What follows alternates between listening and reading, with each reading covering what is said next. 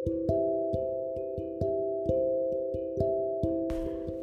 semuanya, sekarang tanggal 2 Juli 2021 Kita udah masuk nih di bulan Juli. Well, sebenarnya um, Apa ya? Di bulan Juli ini Banyak banget berita yang aku dapat. Mungkin bukan cuma dari aku aja Tapi kalian semua banyak nih ngedengar berita yang kurang enak Kurang enaknya adalah tentang pandemi yang udah kita jalanin hampir 2 tahun ini.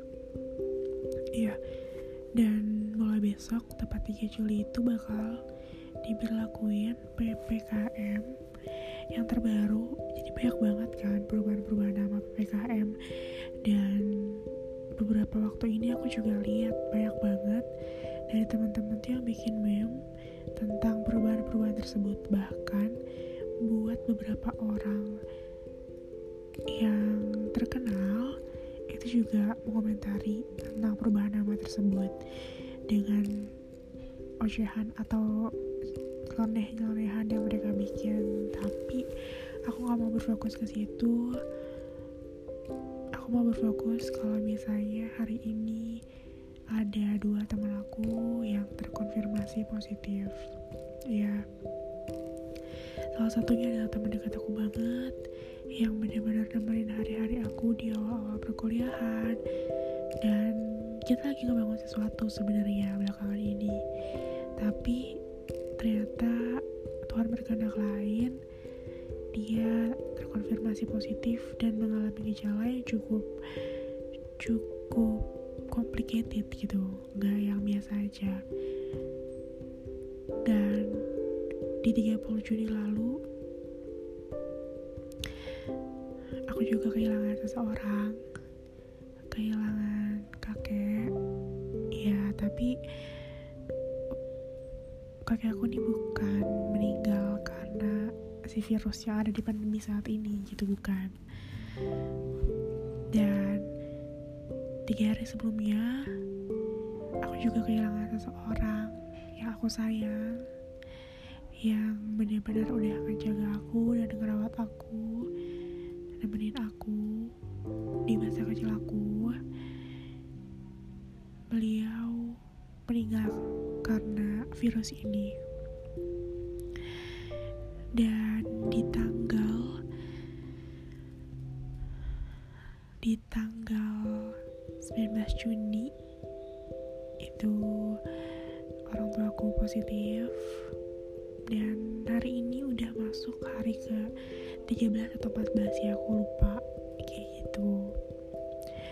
juga cukup hal yang sesuatu banget tuh ya.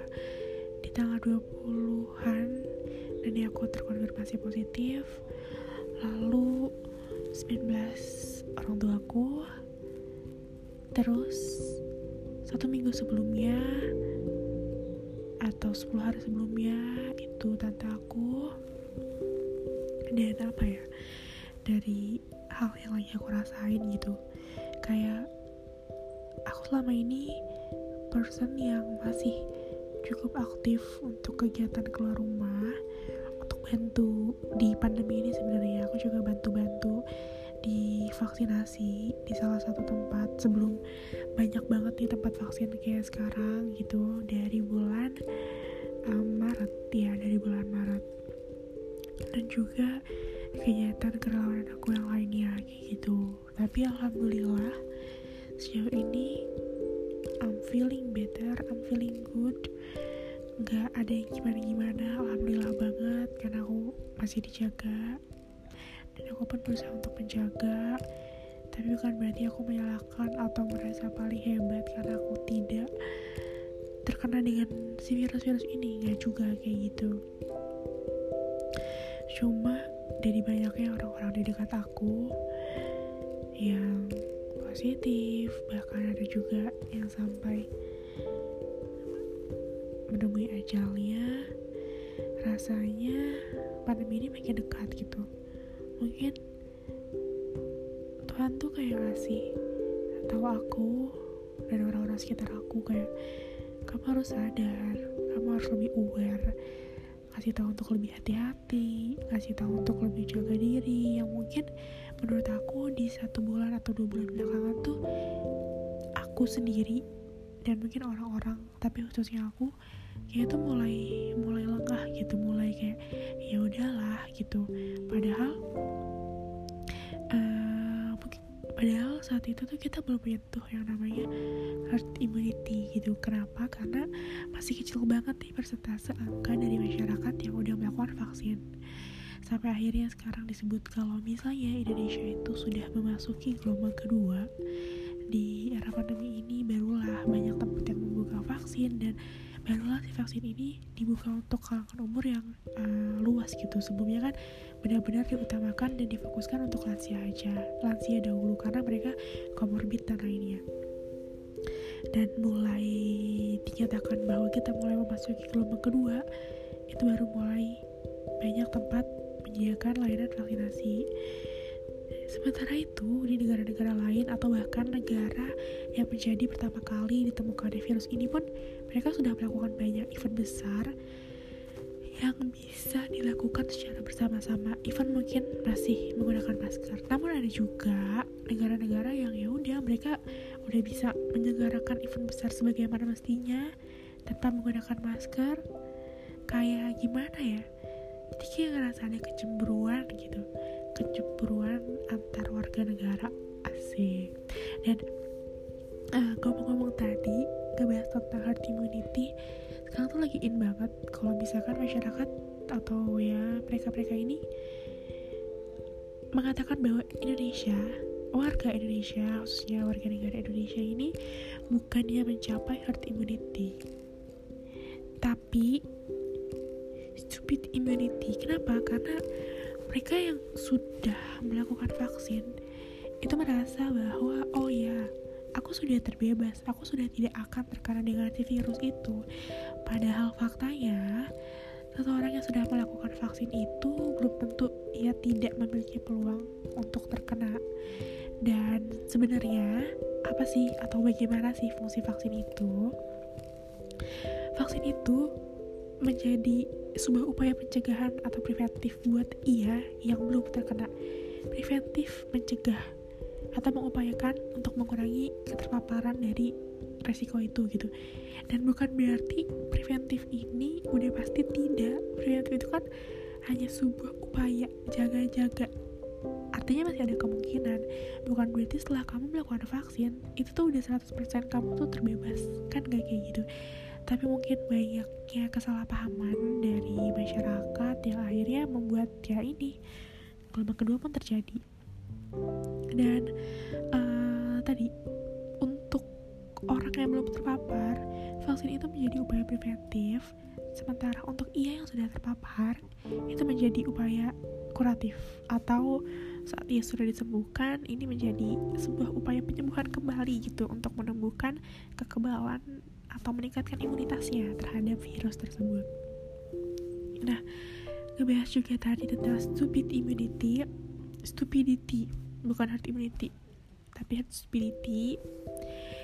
Itu mulai banyak nih, katanya udah banyak banget dari masyarakat yang mulai kumpul-kumpul.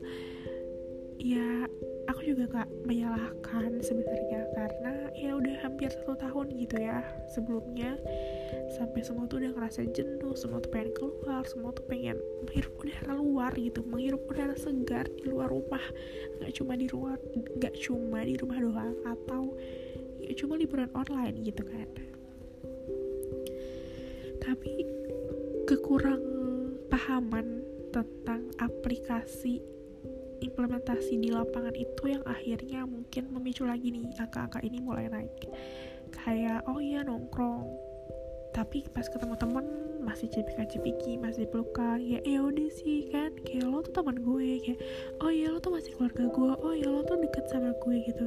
Padahal faktanya si virus ini kan tidak melihat tidak pandang bulu kayak oh kamu keluarga aku ya? Aku gak mau kenal sama kamu. Aku gak mau nularin kamu deh kan gak kayak gitu misalkan ada anak pertama dia terpapar.